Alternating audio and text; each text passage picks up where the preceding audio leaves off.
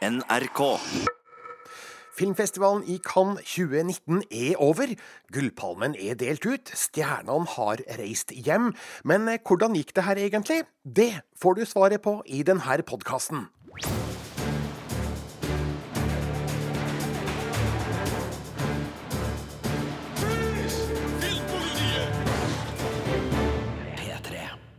Velkommen til en spesialpodkast om filmfestivalen i Cannes, som altså har gått inn i historien. 21 filmer har blitt vist i hovedkonkurransen. Enda flere i sideprogrammene Øser Gard, Kritikeruken, Directors Fortnight og Cannes Classics. Filmstjerna har gått opp og ned den røde løperen flere ganger per dag i nesten to uker. Journalister har strømma til pressevisningene og rapportert hjem. Jeg har vært en av dem, og nå kan jeg fortelle hvem som vant prisene i hovedkonkurransen og hvilke filmer som har imponert meg mest under festivalen. Du får òg høre hvordan Leonardo DiCaprio og Brad Pitt likte å jobbe sammen på Once Upon a Time in Hollywood, hvordan Asif Kapadia kom til å lage dokumentarfilm om Diego Maradona, og Sylvester Stallone skal fortelle hvem han helst ville ha vært av sine to mest kjente filmfigurer, Rocky og Rambo. Filmpolitiet. Lørdag kveld ble Gullpalmen delt ut av juryleder Alejandro Gonzales Inaritu i Cannes. Hans jury besto bl.a. av den amerikanske skuespilleren Ellie Fanning, kjent fra Super 8, Maleficent og The Neon Demon, den greske regissøren Jorgos Lantimos, kjent for The Lobster, The Killing of a Sacred Deer, og den polske regissøren Pavel Pavlikovskij, kjent for Ida og Cold War. De bestemte at Gullpalmen skulle gå til den filmen mange hadde tippa på, nemlig Parasite av Bong Joon-ho. Dette er en fabelaktig blanding av flere sjangere, som smelter sammen til en enormt underholdende historie man både kan le og grøsse av. Dette er nemlig en sort komedie som på finurlig vis kommenterer gapene mellom fattig og rik i et kapitalistisk samfunn. Du skal få hele anmeldelsen min av Parasite om noen få strakser. Det var itu betul Kena kena rasa tu. Kalau dia tak pandai berlatih sebelah. Kan? Den nest viktigste prisen i Cannes er den som heter Grand Prix, og den ble tildelt Atlantic av regissør Mati Diop. Den handler om 17 år gamle Ada, som bor ved Atlanterhavskysten i Dakar i Senegal. Hun er forelska i Soleiman, men er bortlova til en annen mann. Soleiman legger ut til sjøs på jakt etter et bedre liv. Adas bryllup blir ødelagt av en brann, og en mystisk feber bryter ut. Det skal vise at Soliman har kommet tilbake. Jeg vet ikke helt hva som foregår her, for jeg fikk nemlig ikke sett filmen, men jeg har hørt rykter om at den har et zombie-element i seg. Tiens, essayez de faire celui. Ça, il risque de vous le donner à l'examen. Essayez de faire celui. A moins B fois A plus B égale A carré. C'est mon frère, j'y vais. Attends, attends, attends. Donc, euh, la fin de la formule, A carré, Moins B carré. moins B carré. Ok. Ça va, tu peux y aller. Alors, Anis. Prisen for beste regi gikk til Jean-Pierre og Luc Dardenne for deres film Young Ahmed. De belgiske Dardenne-brødrene har vunnet Gullpalmen to ganger før, for Rosetta i 1999 og Barnet i 2005. Men eh, jeg syns personlig at deres nyeste ikke er helt i samme divisjon, og ble litt overraska over at de vant denne regiprisen, som jeg personlig mener burde kanskje gått til Quentin Tarantino i stedet for. Eh, Young Ahmed har riktignok et interessant premiss, nemlig radikalisering av muslimsk ungdom i Europa, men eh, utnytter ikke sprengstoffet som ligger i tematikken fullt ut. Historien blir for enkel og kortfatta, og man får aldri helt tak på hovedfiguren og tankegangen bak hans gjerninger. At figuren, og dermed skuespilleren, er en ung tenåring, gjør det vanskelig å få ut en prestasjon av han som hjelper publikum til å forstå. Young Ahmed er riktignok fortalt med et underliggende sinne og en følelse av oppgitthet, og den byr på noen gode og kraftfulle sosialrealistiske skildringer av visse utfordrende sider i det multikulturelle Europa. Så Darden-brødrene har slett ikke laga en dårlig film, men man sitter igjen med en følelse av at filmen kun har vært noe mer enn det den ble. Bonjour, mademoiselle. Contrôle de police. Vous faites quoi là On attend le bus. Quoi On attend le bus. Vous attendez le bus là Juryprisen ble tildelt Le Miserable av Lodge Ly og Bacurau av Kleber Mendonca Filo og Juliano Dornelles. Eh, Det er altså da en delt pris, det her. Eh, Le Miserable er ikke basert på den kjente romanen eller musikalen. Eh, Den handler om Stefan, som er ny i en krimbekjempende brigade i Montfermeil, som er et vanskeligstilt distrikt i en forstad til Paris. Han blir satt sammen med kollegene Chris og Wada, som viser seg å ha noen spesielle metoder. Og når en arrestasjon går over styr, blir alt de gjør filma av en drone. Den andre juryprisen gikk altså til Bacurau, og det er en liten by i Brasil som sørger over tapet av sin matriark Carmelita, som ble 94 år gammel. Noen dager seinere oppdager innbyggerne at byen ser ut til å ha forsvunnet fra de fleste kart. Det er i hvert fall det, det offisielle synopsiset til disse to filmene si. Jeg har dessverre ikke fått muligheten til å se verken Le Miserable eller Bacurao. Men når jeg så filmen som Antonio Banderas vant prisen for beste mannlige skuespiller for, nemlig Pain and Glory av Pedro Almodovar, det virker som en åpenbar oppsummering av Almodovars eget liv og karriere, og en visuelt gjennomført studie av en filmregissør som opplever at fortida banker på døra og skaper kaos i nåtida. Anda, mira. Me encanta que tengas aquí sabor. ¿Para qué has venido? 32 años me ha costado reconciliarme con esta película. 32 años. Filmen gjentar flere av Almodovars kjente temaer, som mødre, religion, narkotikamisbruk, homoseksualitet, kunst, teater og film. Han utvikler ikke nødvendigvis sitt filmspråk i nye retninger, men bruker velkjente grep til å fortelle en sympatisk historie som får publikum til å føle for hovedpersonen. Antonio Banderas eh, spiller altså da glimrende i en av karrierens beste prestasjoner. Han skildrer en god mann, tynga av indre demoner, og en melankoli som forsterkes av tiltagende helseproblemer. Banderas finstemte spill gir små hint og vink, som gjør at man gradvis forstår Salvadors bakgrunn og ulike valg han har tatt. Og um, denne innsatsen ble han altså belønna med, med beste mannlige skuespiller i Cannes. It's really hot in here. Yes, it needs to be warm. This is a very special breed. You have to take good care of it.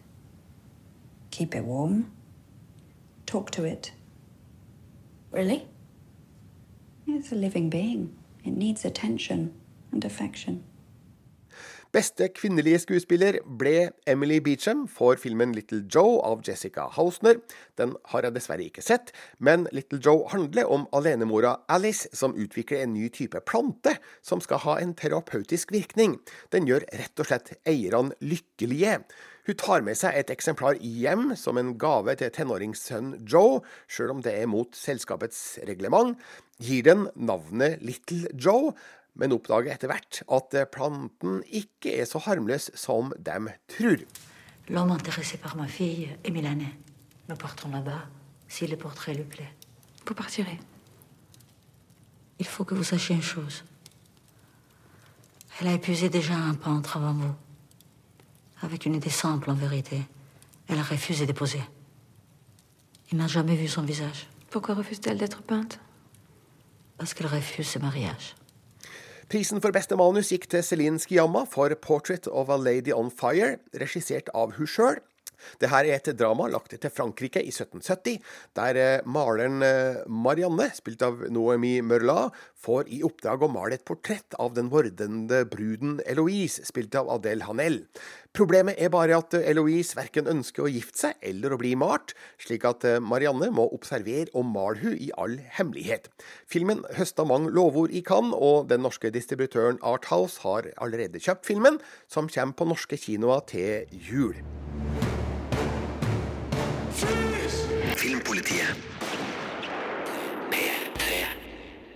Senere i podkasten får du møte Sylvester Stallone, som var i Cannes for å vise de første bildene fra Rambo 5, Last Blood, som kommer i september, samt å vise en nyrestaurert 4K-versjon av First Blood, som ble vist i sideprogrammet Cannes Classics.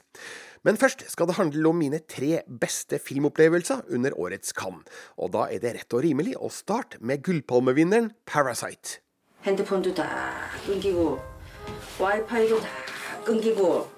야, 김기택. 어떻게 생각하셔? 아버지, 저는 이게 위조나 범죄라고 생각하지 않아요. 저 내년에 이 대학 꼭 갈 거거든요. 그건 엄연한 범죄입니다. 아들아, Parasite er regissert av koreanske Bong Joon-ho, som har skaffa seg litt av et renommé etter filmer som The Host, Snowpiercer og Okja. Aktelsen vil bare øke etter Parasite, som er en fabelaktig blanding av flere sjangere, som smelter sammen til en enormt underholdende historie man både kan le og grøsse av. Det her er nemlig en sort komedie som på finurlig vis kommenterer gapene mellom fattig og rik i et kapitalistisk samfunn. Den introduserer òg et knippe interessante figurer, som vekker mange ulike følelser på spekteret mellom hat og kjærlighet.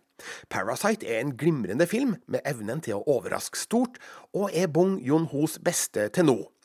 Man bør ikke vite for mye før man ser filmen, men utgangspunktet kan trygt beskrives. Ki Tak, kona Chung Sok, dattera Ki Jung og sønnen Ki Wo bor i en kjellerleilighet i en koreansk by og tjener til livets opphold med småjobber og småsvindler. Når Ki Wo får jobb som privat engelsklærer for dattera i en rik familie i et flott hus, skjønner de at her er det penger å hente. De legger derfor planer for å tyne mest mulig ut av sine intetanende ofre.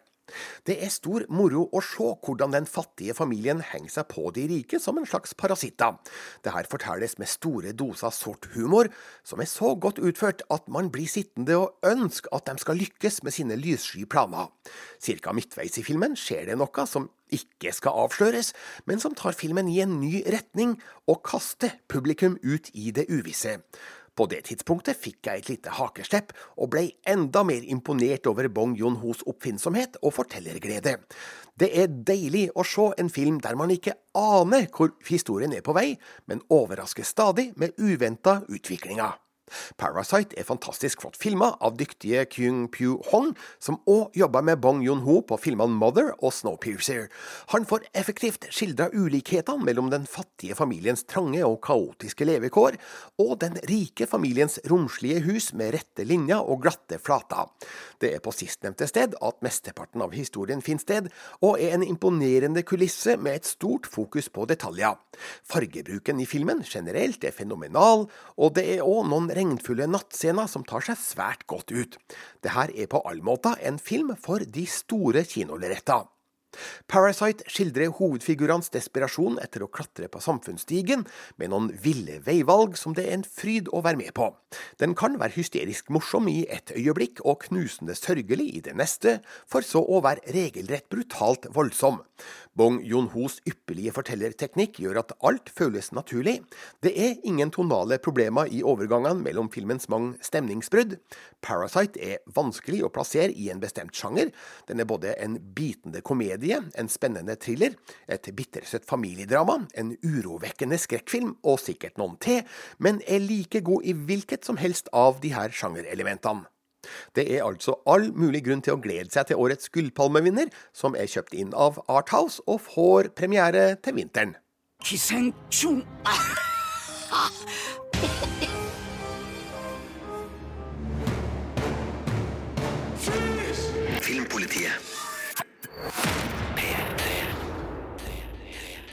Min andre favoritt fra årets Cannes-festival er Quentin Tarantinos Once Upon a Time in Hollywood. Det ble ingen priser på filmen i Cannes, eh, bortsett fra den uoffisielle prisen Palm Dog, som første gang ble utdelt av en journalist i 2001, og gis hvert år til filmen med den beste hunderollen. I Tarantinos film møter vi Brandy, den trofaste bikkja til stuntmannen Cliff Booth, spilt av Brad Pitt som har en ganske avgjørende funksjon. Eh, Her er min øvrige dom over filmen. I'm Rick Dalton. It's my pleasure, Mr. Schwartz. Call me Marvin. Put it there. That your son? No, it's my stunt double, Cliff Booth. Last night we watched a Rick Dalton double feature. All the shooting. Quentin Tarantino viser med all tydelighet sin store kjærlighet for det gamle Hollywood og miljøet som skapte filmene han vokste opp med i Once Upon a Time in Hollywood.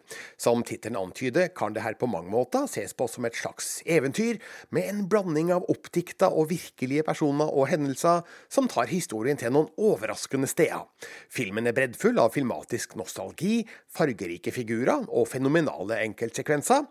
Helheten er kanskje litt vaklende, og en dypere mening kan være vanskelig å finne, men Once Upon a Time in Hollywood er en film det er vanskelig å motstå. Tarantino viser en gledelig trang til å more, underholde og av og til sjokkere. Handlinga finnes det i Los Angeles i 1969, der den eh, falma TV-stjerna Rick Dalton, spilt av Leonardo DiCaprio, og hans faste stuntmann Cliff Booth, spilt av Brad Pitt, sliter med å finne seg til rette i et eh, Hollywood i endring. Bransjen de slo seg opp i, er ikke lenger den samme, og yngre krefter tar over helterollene. En av nykommerne i byen er Daltons nye nabo Sharon Tate, spilt av Margot Robbie, kona til filmregissøren Roman Polanski. Hva som skjer videre skal ikke avsløres, men eh, året er altså 1969, og Charles Manson og hans kult er i omløp. Dette er òg en film om vennskap. Det trofaste kameratskapet mellom Dalton og Booth formidles i flere fine scener, der omsorgen og respekten de har for hverandre, er åpenbar. Det samme gjelder forholdet mellom Booth og bikkja, som òg er en god kilde til lavmælt og underfundig humor. Filmen gir òg hint om det litt merkelige trekantforholdet mellom Roman Polanski, Sharon Tate og hennes ekskjæreste Jay Sebring, spilt av Emil Hirsch, uten at det her blir utdypa nærmere. Store deler av handlinga tilbringes på ulike filmsets, der en solid DiCaprio formidler Daltons tvil, frykt og indre demoner, men òg vennlighet og hjertevarme. Pitt gjør sin kuleste rolle på lenge som Booth, en imøtekommende og tålmodig ringrev som får flere muligheter til å vise at han fremdeles har sine stuntferdigheter i behold, spesielt i én fantastisk morsom scene. Det gjør òg inntrykk å se Margot Robbies fine gladrolle som Sharon Tate, som viser en nærmest barnlig glede over sine lyse fremtidsutsikter i Hollywood. Det er foruroligende å se figurens naive positivitet, mens man samtidig vet hvordan det gikk med virkelighetens Sharon. Samtidig mimrer filmen over måten det gamle Hollywood fungerte på. Tarantino er åpenbart fascinert av tida, typene og forholdene som ga grobunn for hans kjærlighet til film, og skildrer miljøet med en imponerende stor sans for detaljer. Det samme gjelder æraens tidskoloritt, som må ha vært enormt krevende å gjenskape, annet flere kjørescener der alle biler, bygninger og neonskilt må ha blitt tilpassa. Mye er sikkert gjort digitalt, men det er i så fall umulig å se. Filmen ble vist på 35 mm i Cannes, noe som dessverre ikke er praktisk mulig i de fleste kinoer lenger.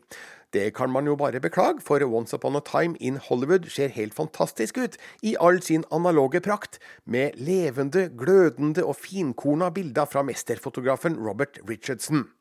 Det er òg verdt å merke seg det praktfulle lydsporet, der radioen spiller en svært aktiv rolle.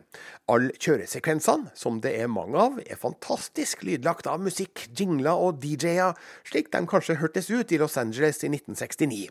Det kan tenkes at Tarantino har plukka opp noen triks fra dataspillserien Grand Theft Auto, der fiktive radiokanaler gjør den samme jobben med å skape stemning, atmosfære og en fornemmelse av epoken historien foregår i.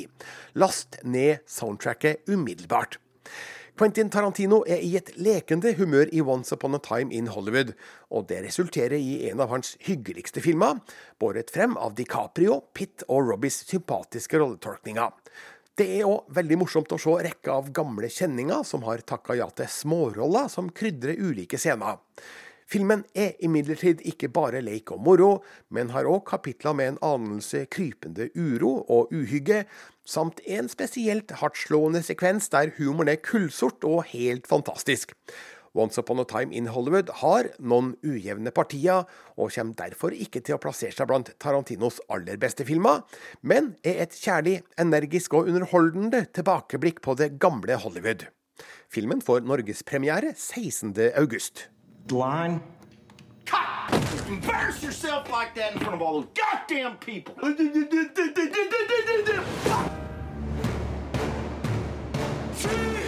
Filmpolitiet.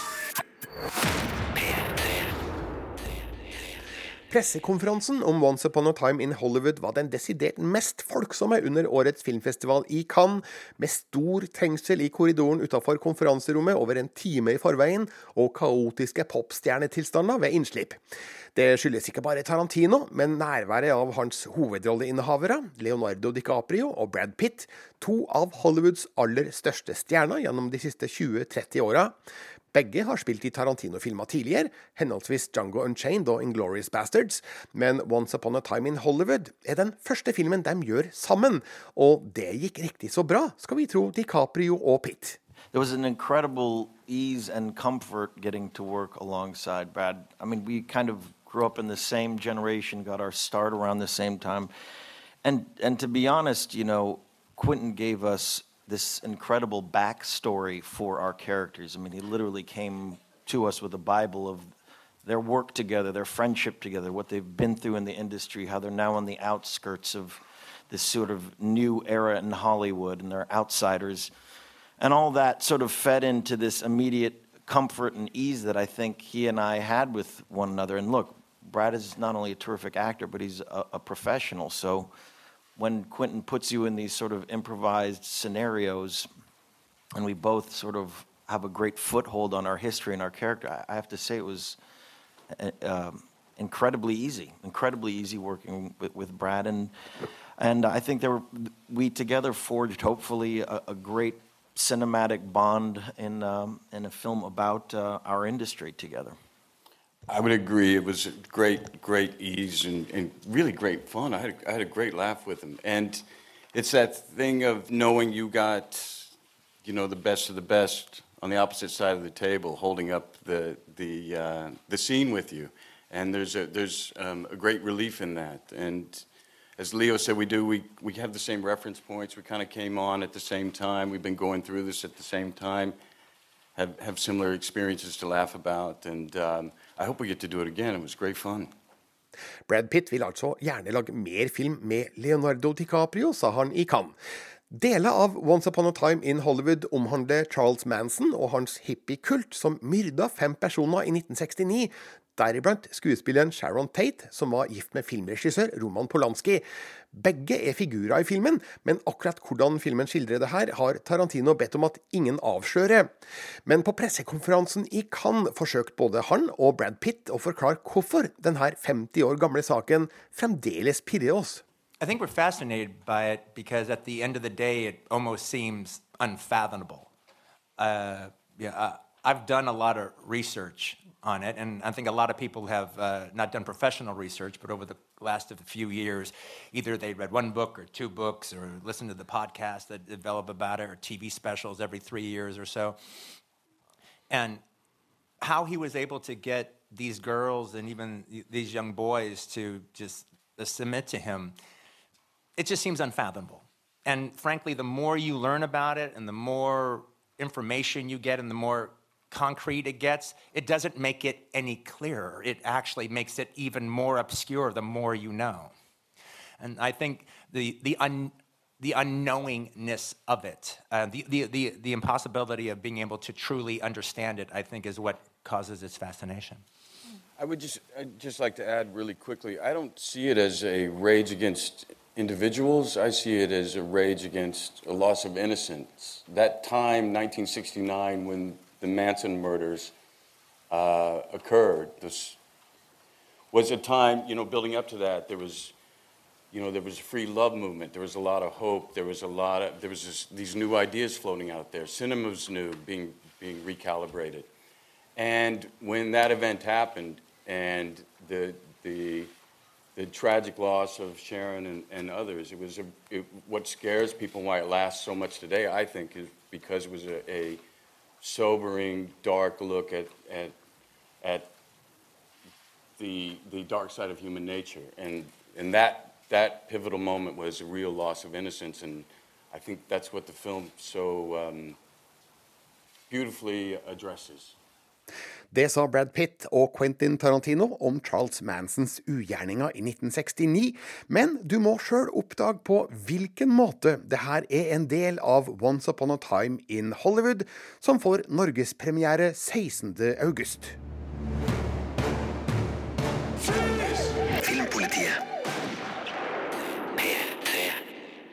Min tredje favorittfilm fra årets Cannes ble vist i hovedprogrammet, men utenfor konkurranse.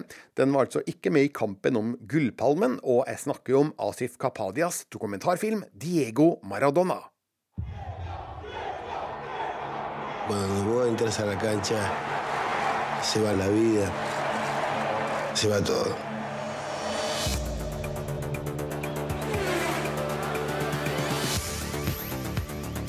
Diego nació en un lugar muy difícil, la parte más pobre de la ciudad capital.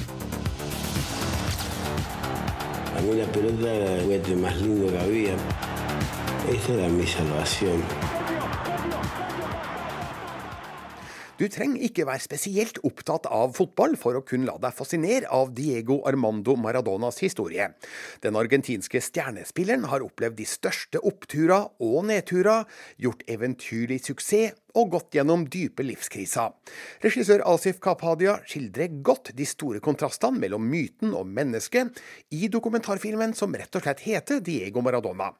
Den bringer kanskje ikke mye nytt på banen. Mange av detaljene er godt kjent fra før for den som fikk med seg mediebildet av Maradona på 1980-tallet. Denne filmen er likevel en frisk skildring av det totale kaoset som råder rundt han, og forklarer effektivt hvordan det egentlig ikke kunne gå særlig annerledes med han enn slik det gikk. Dokumentaren starter med strålende tidsbilder når vi ser Maradonas ankomst i Napoli i 1984, etter en overraskende overgang fra Barcelona, kryssklippa med en lynrask oppsummering av hans karriere så langt. Vi får gode beskrivelser på hvordan byen i Sør-Italia ble sett ned på av resten av landet, og hvordan forventningene til Maradona vokste enormt store der. Sjøl om det er godt kjent hvordan det gikk, er det likevel spennende å være med på dette eventyret, der kokende scener fra fotballbaner, tribuner og gata viser en entusiasme blant publikum og media som nærmer seg den sanne galskap. Det er stor underholdning å følge oppturer i både italiensk serie A, fotball-VM og Uefa-cupen, mens det er tilsvarende trist å se hvordan Diego Maradona snubler på privatfronten, vikler seg inn i mafiaen og takler presset på uheldige vis som skal få store konsekvenser. Filmen består utelukkende av arkivklipp, og her har regissør Kapadia og klipper Chris King virkelig utnytta alt de har kunnet finne av gammelt og ofte usett materiale, akkurat slik de gjorde på de fantastiske dokumentarfilmene Senna og Amy, som fortalte historien om den brasilianske Formel 1-sjåføren Ayrton Senna og den britiske artisten Amy Winehouse. Forskjellen er at Maradona, i motsetning til de her to, fremdeles lever og forteller om seg sjøl på lydsporet, vel vitende om hvilken funksjon han har. Han er imidlertid ikke nødvendigvis den beste formidleren av gamle historier, men heldigvis har Kapadia òg intervjua gamle flammer, lagkamerater, fotballeksperter, hans fysiske trener og flere, som til sammen gir et fyldig bilde av mannen både på og utafor banen. Filmen gir en overbevisende forklaring på hvorfor det egentlig fantes to personer. Det er Diego, den vennlige, men usikre gutten fra den argentinske slummen, og så hadde du Maradona, den arrogante fotballguden man kunne både elske og hate. Når man ser filmens eksempler på kaoset som råder rundt han, virker det forståelig at han ble mer Maradona og mindre Diego ettersom presset økte. Det er lett å se i de mange filmklippene når han er den ene eller den andre. Diego Maradona er ikke like sterk som Senna og Amy, kanskje fordi tragedien ikke slår like hardt siden Maradona fremdeles lever, men den forteller et stykke fotballhistorie på en nyansert og interessant måte. Den lager ikke noe gudebilde av mannen, men er ærlig på hans fantastiske kvaliteter som fotballspiller, og den enorme respekten han nøt i siste halvdel av 1980-tallet. Den er tilsvarende ærlig på hans mange nedturer etter at karrieren kollapsa, og den har noen arkivklipp mot slutten som rett og slett er sørgelige å se på. Historien i Diego Maradona er altså sterk i seg sjøl, men fortelles i tillegg på en medrivende måte i denne solide dokumentarfilmen, som altså ble vist på filmfestivalen i Cannes. Den får norgespremiere 5. juli. Fu una caduta senza precedenti. Yo quiero ser simplemente Maradona. Jeg møtte regissør Asif Kapadia under litt støyende omstendigheter i Cannes, sammen med en gruppe andre journalister, og derfor klarte han hvordan denne dokumentaren om Diego Maradona egentlig kom i stand. So the project began with a producer, Paul Martin, who became aware of this kind of private personal footage that existed somewhere of that was filmed when Diego was in his prime. So he contacted me in 2012 around the time of the London Olympics, and I'd just made Senna at the time. So it was off the back of that. And for me, having made a film about a Brazilian sporting hero, I wasn't really ready to do one about the Argentinian sporting hero at the time. So it kind of went away.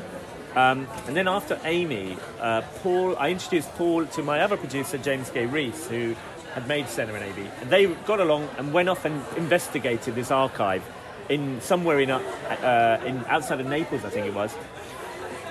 Thought it was really interesting. Thought there was a movie in it. Talked to me about it, and I said, "Keep me posted." But the deal was, it's only going to be usable if we have Maradona. So they contacted his people and his lawyers, who happened to be in London. I think Diego was there for the Davis Cup final or something. He's a big tennis fan, and they did a deal for his image rights, and that enabled us to access this footage. And then they contacted me, and that's really when we started on the film. So it would have been around, by now, we're talking nearly 2015, 16. So the first meeting that I had, he was living in Dubai at the time on a giant palm tree uh, on the second fund on the left. And um, we went along, and it was everyone wanted to meet him. Everyone wants to meet Diego. So the two producers come. We have a cameraman, we have a sound recordist, a translator, myself. We all go to Dubai. It's not cheap. We get there, and we're told it's going to be on this day. And then this is the question: whether it's him, whether it's his entourage, who knows what? No, it's not today. Come back tomorrow. So we go, okay, and tomorrow, and the day after. And it was almost four days when we were waiting. And in the end, when we did get in there, it kind of came down to about five minutes because he wasn't feeling great. We said hello, we'll make a great film together, and then we left. And that was it. So you thought, okay, next time I go, one, I've got to be flexible. I'm not going to bring an entourage. I mean, being one person, I'll sound record myself. But also, it felt a bit more like, why don't we just make the film like Senna and Amy? Let's make the movie, and when we're ready, we'll go and talk to him. But not be one of those films where you have to interview him, and the film will not begin with his interview, which is what we did. So I think the next time we went was six months later. So the film reminds us of the madness and the chaos and the pressure he was under. Do you think his downfall was really inevitable? It seems like his character is such that wherever he goes, there will be some chaos. Wherever he goes, there will be trouble. He will form an argument. He feeds himself off tension and anger and an argument. And if there isn't one, he will start one. You know, so in a way, it's kind of inevitable that something's going to go wrong when it's all going so right. Um, because that's him. He needs it. He lives off of that kind of energy. He doesn't want, he wants peace, but he doesn't want peace. He wants to be absolutely loved and adored, but he wants to be left alone. Yeah. He's an absolute contradiction at every stage, yeah? So, and Naples in the 80s was crazy, you know, and this guy and Naples were perfect for each other, but absolutely the worst thing for one another almost as well. Um, so they had their really good times, but the fact is, he will seek out friends all over, and including the people in the kind of lower sides of society. And the minute that happened, I don't know if he knew what he was getting himself into. Det var litt av det regissør Asif Kapadia hadde å melde om dokumentarfilmen Diego Maradona, som altså får norgespremiere, som jeg sa, 5. juli. Filmpolitiet. Til slutt i denne spesialpodkasten om Cannes skal det handle om mitt største stjernemøte under filmfestivalen. Jeg fikk nemlig møtt selveste Sylvester Stallone sammen med tre andre europeiske journalister. Han var i Cannes for å vise klipp fra den kommende Rambo 5 Last Blood, og vise en nyrestaurert 4K-versjon av First Blood fra 1982 på en fullsatt gallaforestilling i enorme Grand Theater Lumière. Den Ted Kotcheff-regisserte historien introduserer oss for soldaten som vender hjem til USA etter Vietnamkrigen, og blir alt annet enn vennlig mottatt når han passerer en liten småby med en aggressiv sheriff. Gjennom oppfølgerne Rambo First Blood Part 2 i 1985, Rambo 3 i 1989 og spesielt i John Rambo i 2008 har figuren utvikla seg til å bli en mørk voldsmaskin. I høst kommer altså den nye filmen Rambo 5 Last Blood, der ting ikke blir særlig lystigere, ifølge Stallone. I'm shooting two endings. I already shot one, which is really good, melancholy, but good. And then I want to do one that is a surprise, but I don't know if there's never going to be a redemption ever. He's one of those guys. It's not like Rocky where you can win a fight and you feel redemption. You feel yes, I did it. Rambo's fight can never be won. He's his, his mind is so destroyed. It's so his heart has been broken so many times. He's seen so much death. See, Rocky hasn't really seen death. Rambo has seen everything. Just and and he's seen his country go up. He's seen his friends die. Everything die. For en som var tenåring da Stallone var på sitt mest populære på 1980-tallet, var det stort å møte han, og Stallone viste seg å være et superhyggelig og gjennomført profesjonelt intervjuobjekt som svarte villig vekk på alle spørsmål, f.eks. hvem han helst ville være av sine to mest kjente figurer, Rocky og Rambo. If I had to, I'd rather be Rocky. you know, at least he, you know, he's a little optimistic. He can laugh a little bit. He knows he's not too smart. He gets it. You know, he's very realistic. So he doesn't harbor any. You know, Rocky has lost more than he's won. He's had 52 fights. He's lost 27. So he's, he's one of those guys. Okay, I, I, I can deal. I, I'm, I don't take it personally. You win, you lose. He's very philosophical. Rambo, there is no losing. So which way did you go during your life? More optimistic or more I would cynical? definitely say I'm more Rocky, for sure. There's no question. Etter at Rocky ble en kjempesuksess i 1976 og vant Oscar for beste film og regi, nemlig John G. Avildsen, regisserte Stallone sjøl de tilfredsstillende oppfølgerne Rocky 2 i 1979, Rocky 3 i 1982 og storsuksessen Rocky 4 i 1985.